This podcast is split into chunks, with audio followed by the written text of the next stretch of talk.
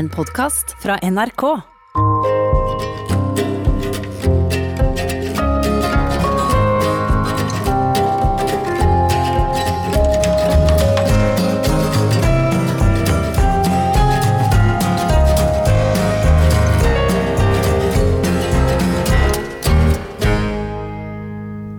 Jeg trykte play på bandspilleren. Var det noe lyd på bandet i det hele tatt? De var det.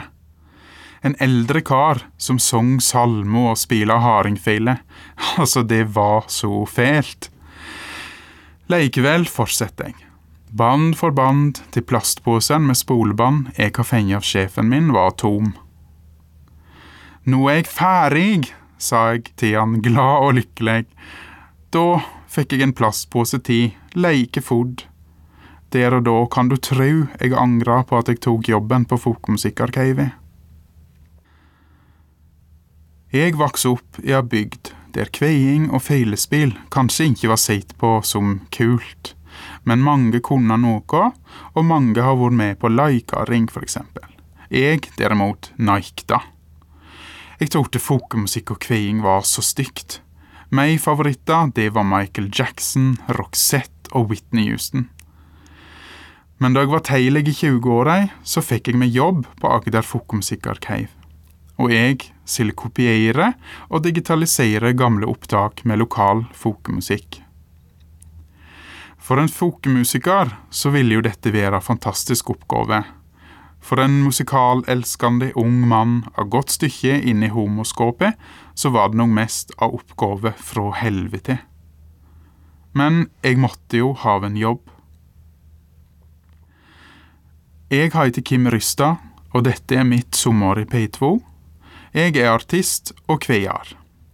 Og jeg har altså av intens motvilje mot folkemusikk. Men i ei av plastposene med spolebånd jeg lei meg gjennom, kom det brått av lydband som vil endre synet mitt på folkemusikken totalt. Jeg ble forelska i folkemusikk. Og jeg, jeg vil rett og slett være en kveier. Kongen sitter i høysvålin så taler han til atte seg menn. Eg var i tinkjeleiken min, og ufødt så er han enn. Det ser eg på deg, hemingen. Du vil ikke late det du skal renne fjødd i de som drengene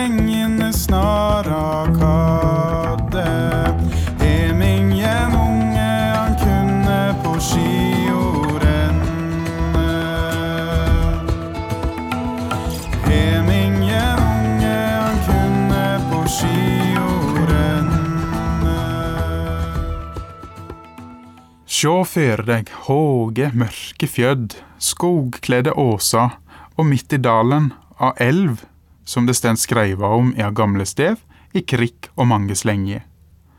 Den slynger seg nedover bygdei, og det her er ikke vokst opp, på en leiten stad som heter Rysta i Valle kommune, midt i Setesdal. Elva i stevet er Otra, som renner forbi Byglandsfjorden og til slutt renner ut i sjøen nede i Boin, vil si Kristiansand.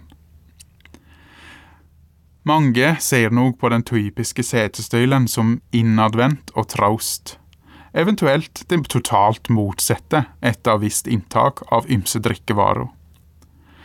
Og jeg ser også så på meg sjøl, som innadvendt, litt traust og litt kjedelig. Jeg er født 17. juni i tvillingens tegn, noe som for mange er humbug og fjas, men jeg leker å tro noe på det likevel, for jeg har anna sier òg, eller mange ulike sider, som jeg oppdaga da jeg sto på scenen ti lørdager i beste sendetid under Stjernekamp på NRK1. Og det er ganske feint å tenke på at jeg i en alder av 38 fant min indre rapper, El Disco Diva, som når jeg sang I Will Survive i hop med Kringkastingsorkesteret. Men altså, midt på Rysta, i Blokk Vatne husbankhus bodde jeg i hop med mam, pap og min bror Jan.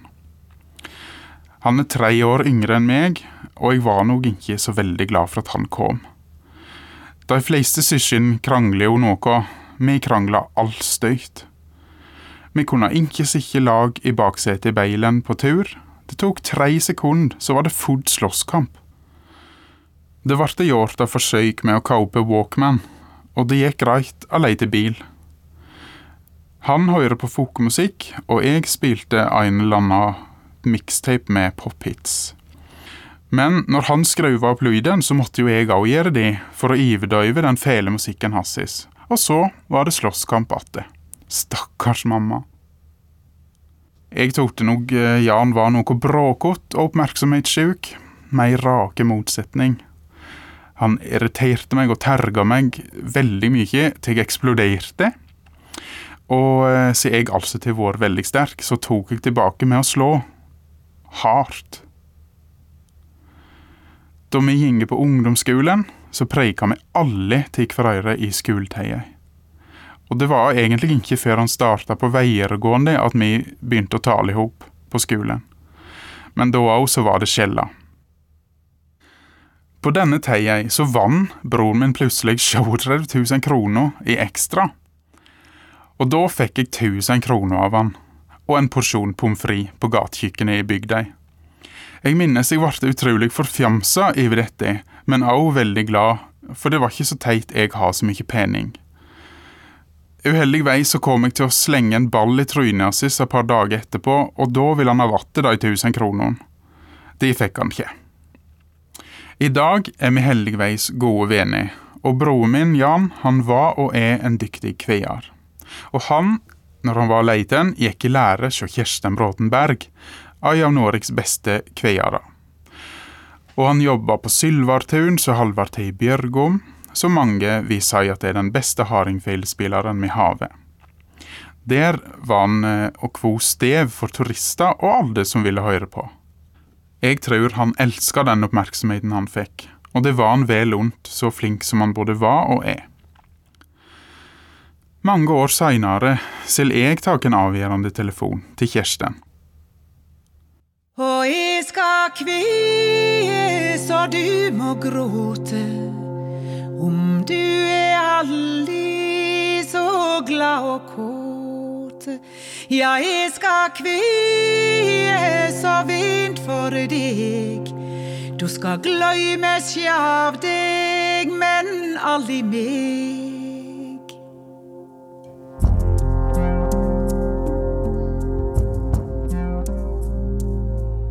Dette er Sommer i P2 med Kim Rystad. Jeg vokste opp i dette evige maset om kveiing, stev og hardingfele. At noen i det hele tatt ikke kunne leke denne musikken, kunne jeg rett og slett ikke begreipe. Mamma ville nok gjerne at jeg også skulle begynne med folkemusikk, og prøve å lokke meg med til å starte på leikaring, men til ingen nytte. Så ble det jo tale om å prøve seg på kveiing i hop med noen andre. Og vi var vel tre-fire stykk som gikk så Kjersten av bil. Jeg leika det ikke så veldig godt. Vel var det ikke hardingfelegnikking og kattejammer, men jeg var bare ikke interessert, og når det var noe som ikke interesserte meg, så brydde jeg meg ikke. Så jeg slutta ganske fort på kveinga. Men jeg sang allstøyt på eit eller annet, og noe av det første jeg kan minnes at jeg leika, det var bobbysocks. De bergtok meg med La det svinge, og hvem kan vel gløyme når Hanne Krogh og Bettan kom hoppande ut på scenen når seieren var faktum. Og så var det da Waiting for the Morning. Den spila jeg så mye at kassettbandet rauk, og rommet mitt, det var som ei freisone. Når jeg har atter dynna der, så var det som om ingen høyrer meg, og jeg var i min heilt egen verden. I 1991 da gikk musikalen Annie i Oslo. Jeg var aldri der, men kassetten for denne oppsetningen den lånte jeg på biblioteket, og jeg sang i morgen av full hals. Og da jeg var ferdig, så var det noe som klappa utenfor glasset mitt. Jeg har glemt å ha vatt det. Og da satt der en klassekamerat der ute og klappa i hop med fetteren sin. Og jeg kjenner når jeg forteller om dette nå, at det liksom stikker i magen. Det jeg har vært så flau. Det gikk heldigvis fort over, og kanskje det var den staheten eller egenrådigheten som vant over at jeg var så flau. Jeg fortsetter i alle fall å synge. Og så kom det ei plate, og film, The Bodyguard, i 1992, med Whitney Houston. Og jeg har jo hørt henne tidligere med I Wanna Dance With Somebody, eller How Will I Know? Men så kom I Will Always Love You. Og da var det som alt stoppa opp.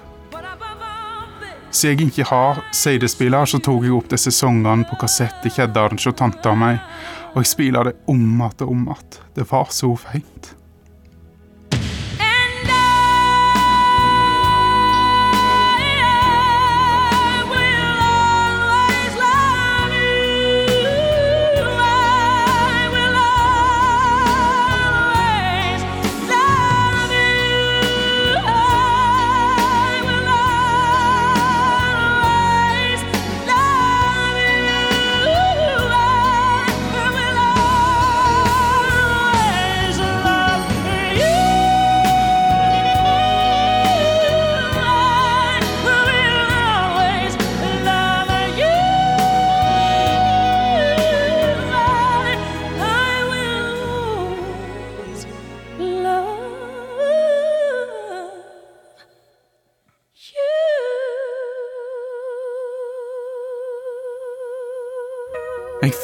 Ikke at det var mulig å synge så bra som Whitney gjorde. Og at det gikk an å bruke stemmen på de veiene hun gjorde, det var så heftig og imponerende at jeg begynner å greine av det, og gjør fortsatt det.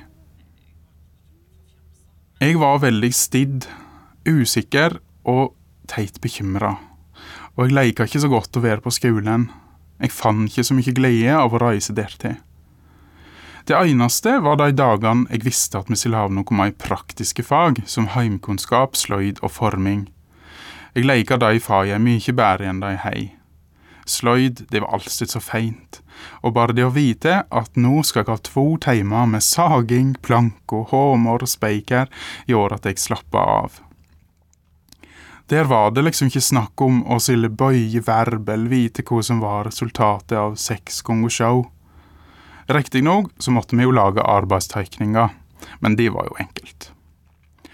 Det var noe med det at jeg kunne se resultat så fort når jeg spekra i hop av hyller. Det varte til noe, av produkt som jeg kunne bruke. Og ikke minst så har jeg noe å veise til, noe som jeg meistra, som jeg fikk tid å lage, som faktisk varte feint. Og teit plager jo si at det å synge er øyeblikkskunst. Når songen er ferdig, så er hun borte vekk. Og så er det jo ikke når har snikra i hop av hylle på sløyden, eller strikka en genser. Det er noe med de varige og håndfaste jeg leker med dette, tror jeg. Men jeg er jo òg av utålmodig sjel, og i gårdenlageret mitt, der fins det en del uferdige prosjekt. Der jeg har gjort noen små feil, og i stedet for å fikse det, så begynner jeg på noe nytt. De fleste guttene på Rysta har disse hovedinteressene. Kjøre moped eller scooter, snøscooter da. Det ene utelukka ikke det hit.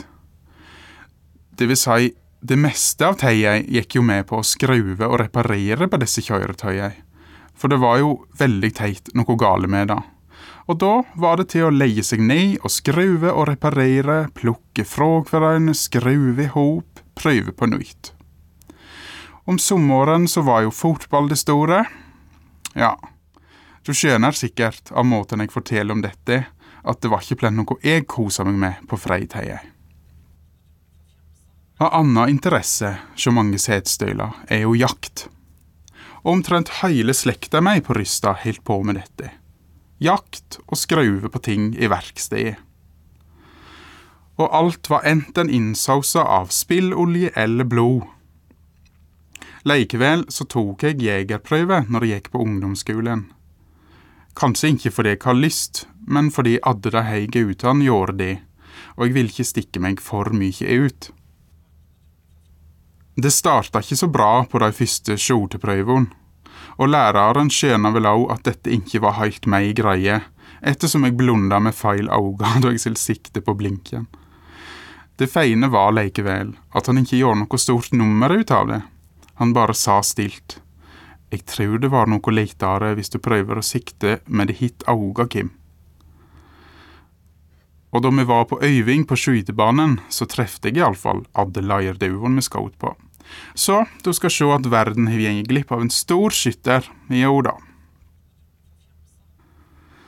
Og Sjav om jeg ikke var en del av denne jakt-, olje- og fotballelskende gjengen, så ble jeg jo ikke direkte plaga. Men jeg fikk teit høre at jeg var litt jentete, eller antageligvis homo. Men herregud, det var jo mye hyggeligere å hoppe strikk med jentene enn å spille fotball, eller å risikere å være svårt på hendene av olje, for det er bare æsj. I dag tror jeg nok at en del av det jeg ble utsatt for, ville være omtalt som mobbing. Men jeg kan ikke minnes at jeg tok meg noe særlig nær av det da. Mest det at det var irriterende eller teit. Jeg brydde meg ikke så mye, og dessuten så trives jeg godt i eget selskap. Og jeg har en nær og fortrolig venn som jeg snart skal fortelle om. Og hun deler også navn med en annen artist som jeg alltid har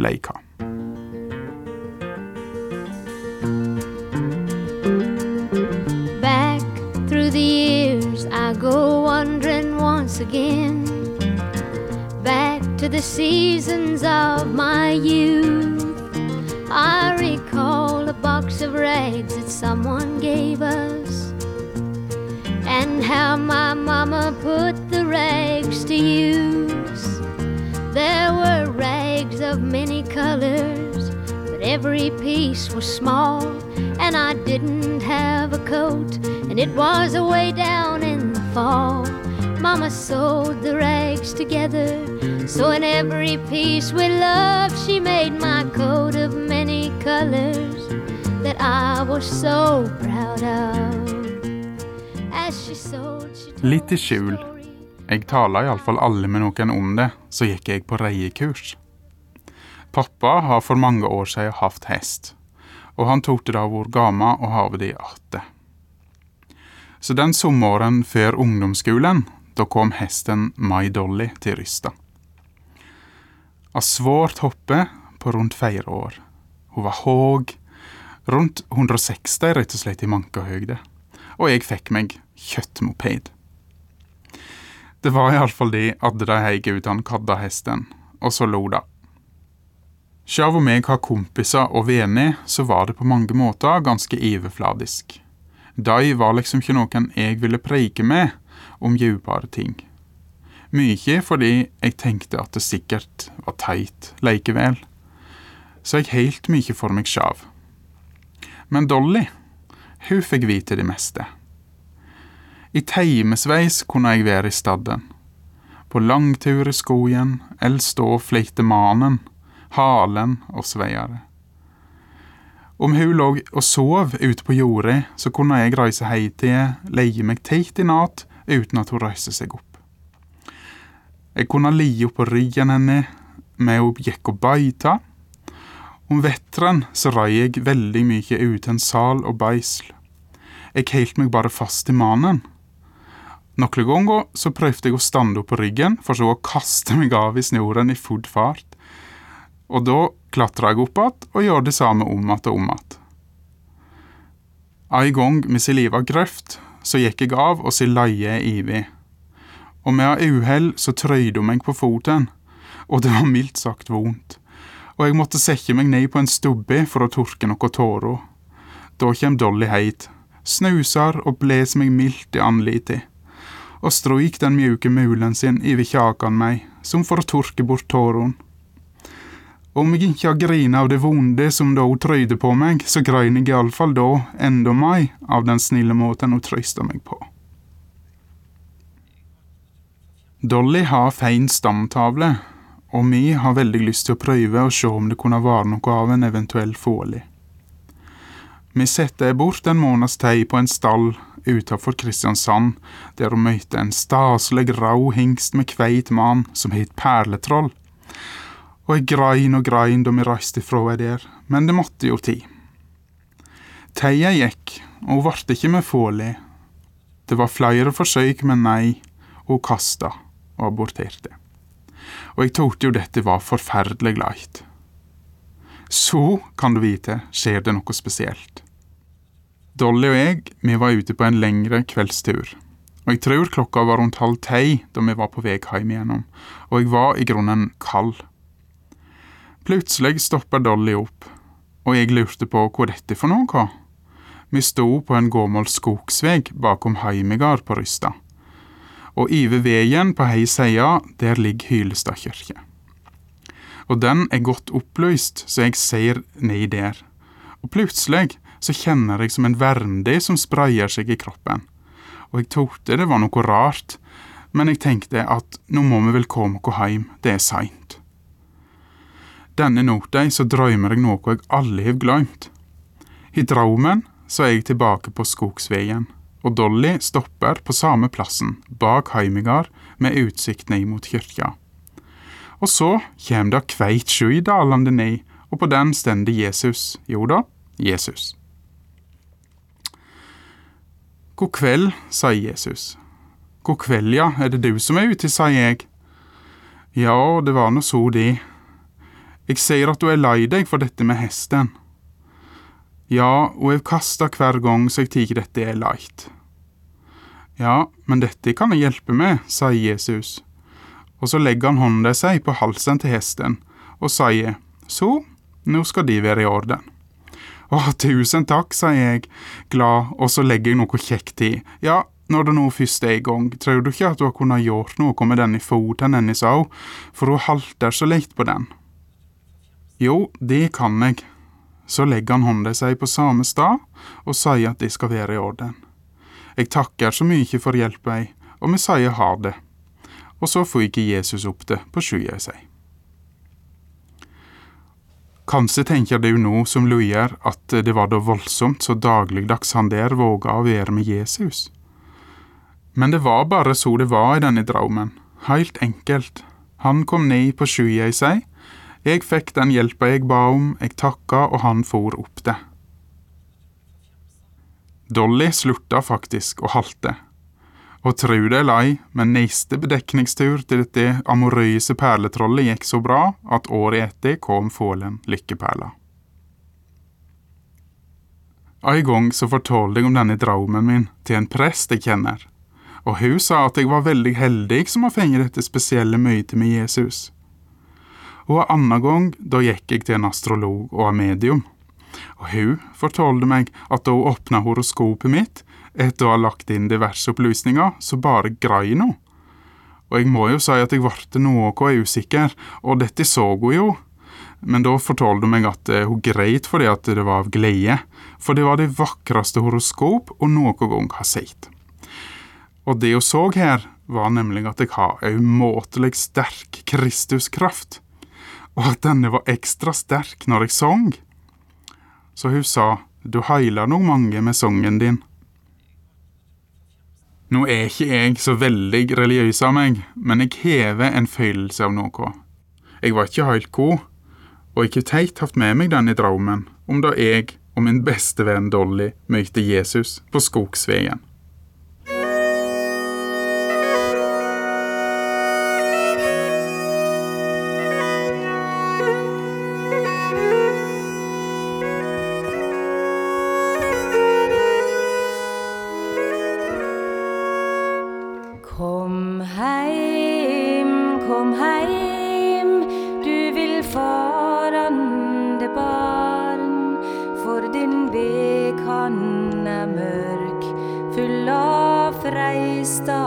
Garn. Du vil farande barn, du vil farande barn. Kom heim, og kom heim. Her hører de Annbjørg Leien og Bjørn Ole Rasch som spiller Kom heim, kom heim. Dette er Sommer i P2 med kvear og artist Kim Rystad. Jeg forteller om barndommen min i Setesdal. Jeg har miljø sterkt prega av folkemusikk. Men det vil gange mange år før jeg åpna hjertet mitt for plent denne musikken. Men musikk har alltid vært viktig for meg. Når jeg tenker tilbake på musikkrommet på Valle ungdomsskole, så minnes jeg ennå lukta av den innestengte og solvarme lufta i der. Jeg minnes hvordan pultene alltid sto noe holter til bolter.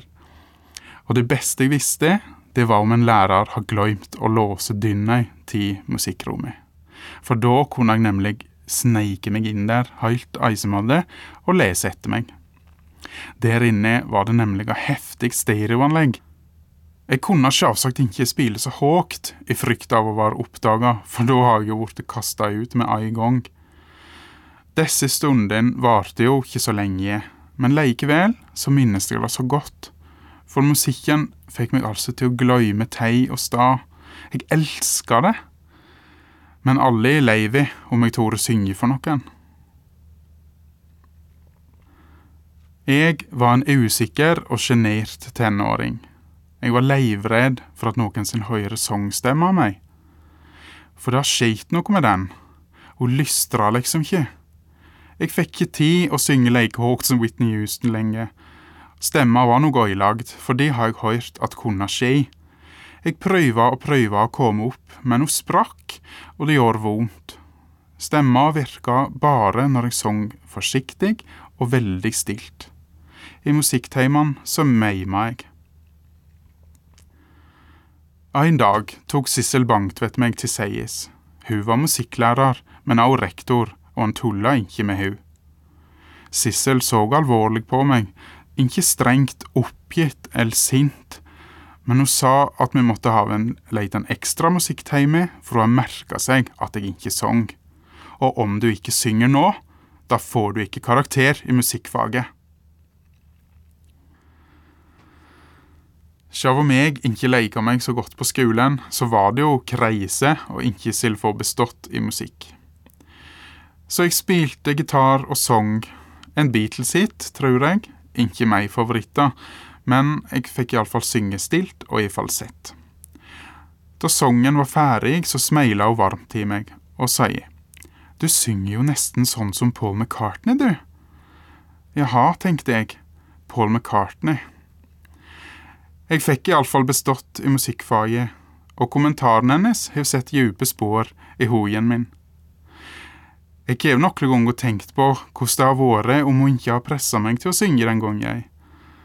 For sjøl om jeg elsker å synge, så tror jeg ikke da at jeg tenkte at det var noe å satse på.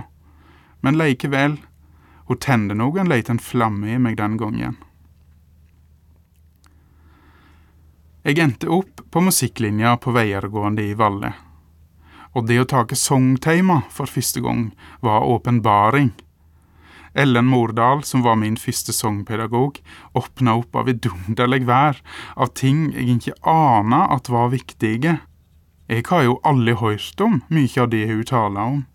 Hvorfor måtte jeg ha oppvarming, avspenning, og hvordan bruke støtte, og hvor i all verden var egentlig mellomgulvet?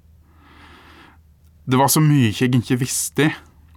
Men hun tok meg under seg venge og lærte meg så mye og ga meg en trygg og god start.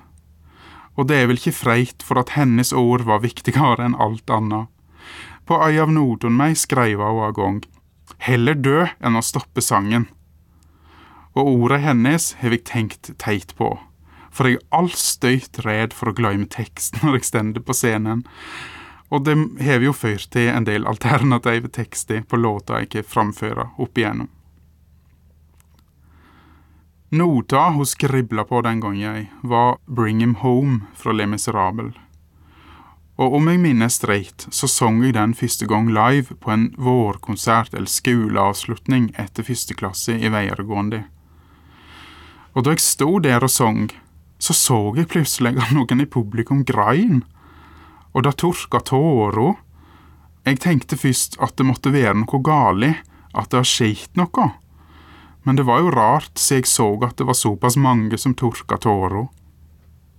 Etter konserten kom mange hei til meg og takka for at jeg har sunget, og at de nok trodde at jeg var flink, som har så mange gode sangere i slekta, men at jeg var så fæl, det visste de ikke, og med fæl her så menes dyktig. det var nok den dagen og den stunden da jeg så tårene trille ned ved kjakan på de som lydde på, at jeg innså at jo, her er det noe. Jeg fikk innkalling til militæret. Der slapp jeg heldigvis fort ut. I stedet så fikk jeg meg jobb på Agder Folkemusikkarkiv hjemme på Rysta. Jobben min der det gikk ut på å kopiere og digitalisere gamle lydband. Og selv om jeg ikke hadde den største interessa for folkemusikk da, så var det iallfall en jobb. Jeg fikk utlevert en plastpose med lydband som skulle kopieres. Jeg lytta og lytta i time etter time, til musikk jeg på ingen måte leika. Gamle, skrapete opptak av gamle folk som gnåla i vei og gnikka på feila. Det var mildt sagt en prøvelse. På eit av disse lydbandene var det gjort opptak av religiøst møte. Predikanten her helt av heftig og dramatisk tale, der han mellom anna sa Tek du ikke imot Herrens ord, er det syndens blod som renner i årene dine. Det var en skikkelig svovelpredikant, og jeg kjente at jeg ble så redd. Det der med syndens blod fikk det til gange kaldt ned i ryggen min. Det var liksom noe jeg bare lest om at fanns, aldri har jeg hørt noen si det og mene det så tydelig som denne predikanten. Jeg slo det av og mest sprang inn til Harald, sjefen, og fortalte om det. Jeg trong heldigvis ikke digitalisere disse svoveltalene, det var folkemusikken som gjaldt. Så hånd deg ned i posen atte, nytt spoleband i spilleren og trykket på play. Nei, slegje stiv i mi alle kvie, men hellig seire på mang og vine. Den som begynner med slenja stev, han var alli lien av fotjehyr. De veinaste tonene kom ut av høgtaleren. Hågt, klart, varmt og snilt. Det skjedde noe med meg. Det var som noe traff i hjertet. Augo og øyron åpna plutselig for denne stemma og denne musikken. Det var melodier og tekster jeg egentlig aldri har brydd meg om, men som likevel såt fast i minnet. Det var tekster på min dialekt, på meg ord, skrevet av folk i min næreste familie, og jeg kunne ikke forstande hvorfor jeg ikke har kjent på dette tidligere. Du sitt dalen fusnjorden brannar, og bekken fuse og marki tånar. Hiv du høyrt atra i dundra dur, inn i gjel og juvonde fjell og ur. Dama som song på lydbandet, heter Birgit Reikjelund. Jeg skal faktisk få mye til òg etter hvert. Ei veldig kul og tøff dame som nå er over 95 år. Vi møttes på kveiersamlinga hjemme i Valle, på kappleika og på konserter. Og om en skal på besøk til Birgit, så nytter det ikke med en femminutters prat. Før du veit ordet av det har hun diska opp med heimelaga vafler og kaffe. Og i tillegg så får du historier, og ikke minst stev og solla herifra til månen. En gang jeg tala med om opptaket hennes og hvordan de har gjort så sterkt inntrykk på meg, sa hun at de forsto henne. For jeg sang inn bare når jeg var glad. Og det er jo plent dette en høyrer. Det var så mye kjærlighet til disse stevei, til salmon og veison. En annen grunn til at opptaket hennes trefte meg så sterkt, var det at hun kvo stevtekster som gamlegofa min, Jon Bjørgesson Rystad, har dikta. For sjøl om jeg ikke var så glad i stev og kveing, så har jeg jo fengt med meg noe. Og jeg kjente atte en del av teksten. Så der jeg satt med plastposen, spolebåndet og øyra på stilk, tenkte jeg, her måtte jeg lære meg, og de fort. En dag sjefen ikke var på jobb, gikk jeg inn på kontoret hans. Jeg lukka dynna og tok et djupt andedrag, som for å mote meg opp noe, og så slo jeg nummeret til Kirsten Bråten Berg for å spørre om jeg kunne komme og ta hjemme hos henne. På reit denne gangen. Litt under tvil, iallfall virka det så på stemma hennes i telefonen, så sa hun Ja vel, du får komme på tirsdag. Og så varte det, og jeg fikk gange til he mest hver vike den våren. Og jeg elska å sitte der i den vakre vinterhagen hennes uten eire til stades, kunne spørre og grave om stev og veiså i en kaffekopp. Jeg lærte om stevkveiere, stevrytme, kruller, ornamentikk og middelalderballader, og ikke minst om hennes veg i musikken. Skammer jeg meg over å ha avveist min egen kulturarv i så mange år? Nei. Motstanden var jo bare der, og jeg er jo òg fryktelig glad for at jeg har hørt så mye annen musikk som har vært med å prege meg. Så jeg kan ikke angre på de. Jeg har for lengst funnet min plass i livet, som kveier og folkemusiker. Sjav om det måtte ha modning tid for min del, jeg måtte være trygg på stemma meg. Og tenk så flaks for meg at jeg fikk den plastposen med spolebånd i fanget. Sekund, minutt og timer går. Og hvert til dager, veker, år. Åren som vatnor timeglas. Og øyet slik som lauv og gras.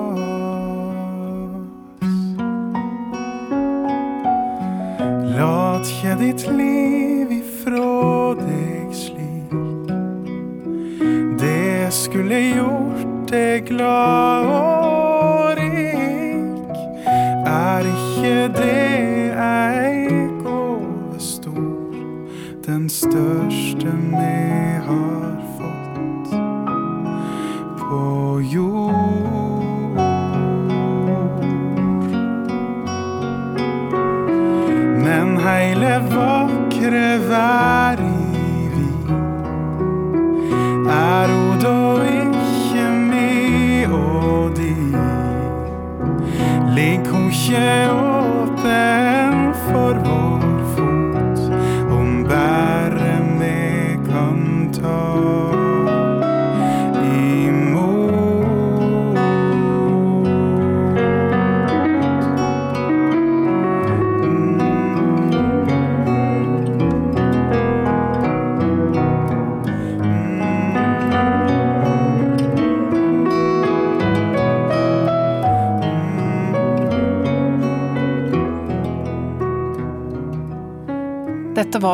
Podkastversjonen av Sommer i P2 med artist og folkemusiker Kim Rysta. Produsent Anne Bøhler, teknisk ansvarlig Eli Kyrkjebø. Du har hørt en podkast fra NRK. Hør flere podkaster og din favorittkanal i appen NRK Radio.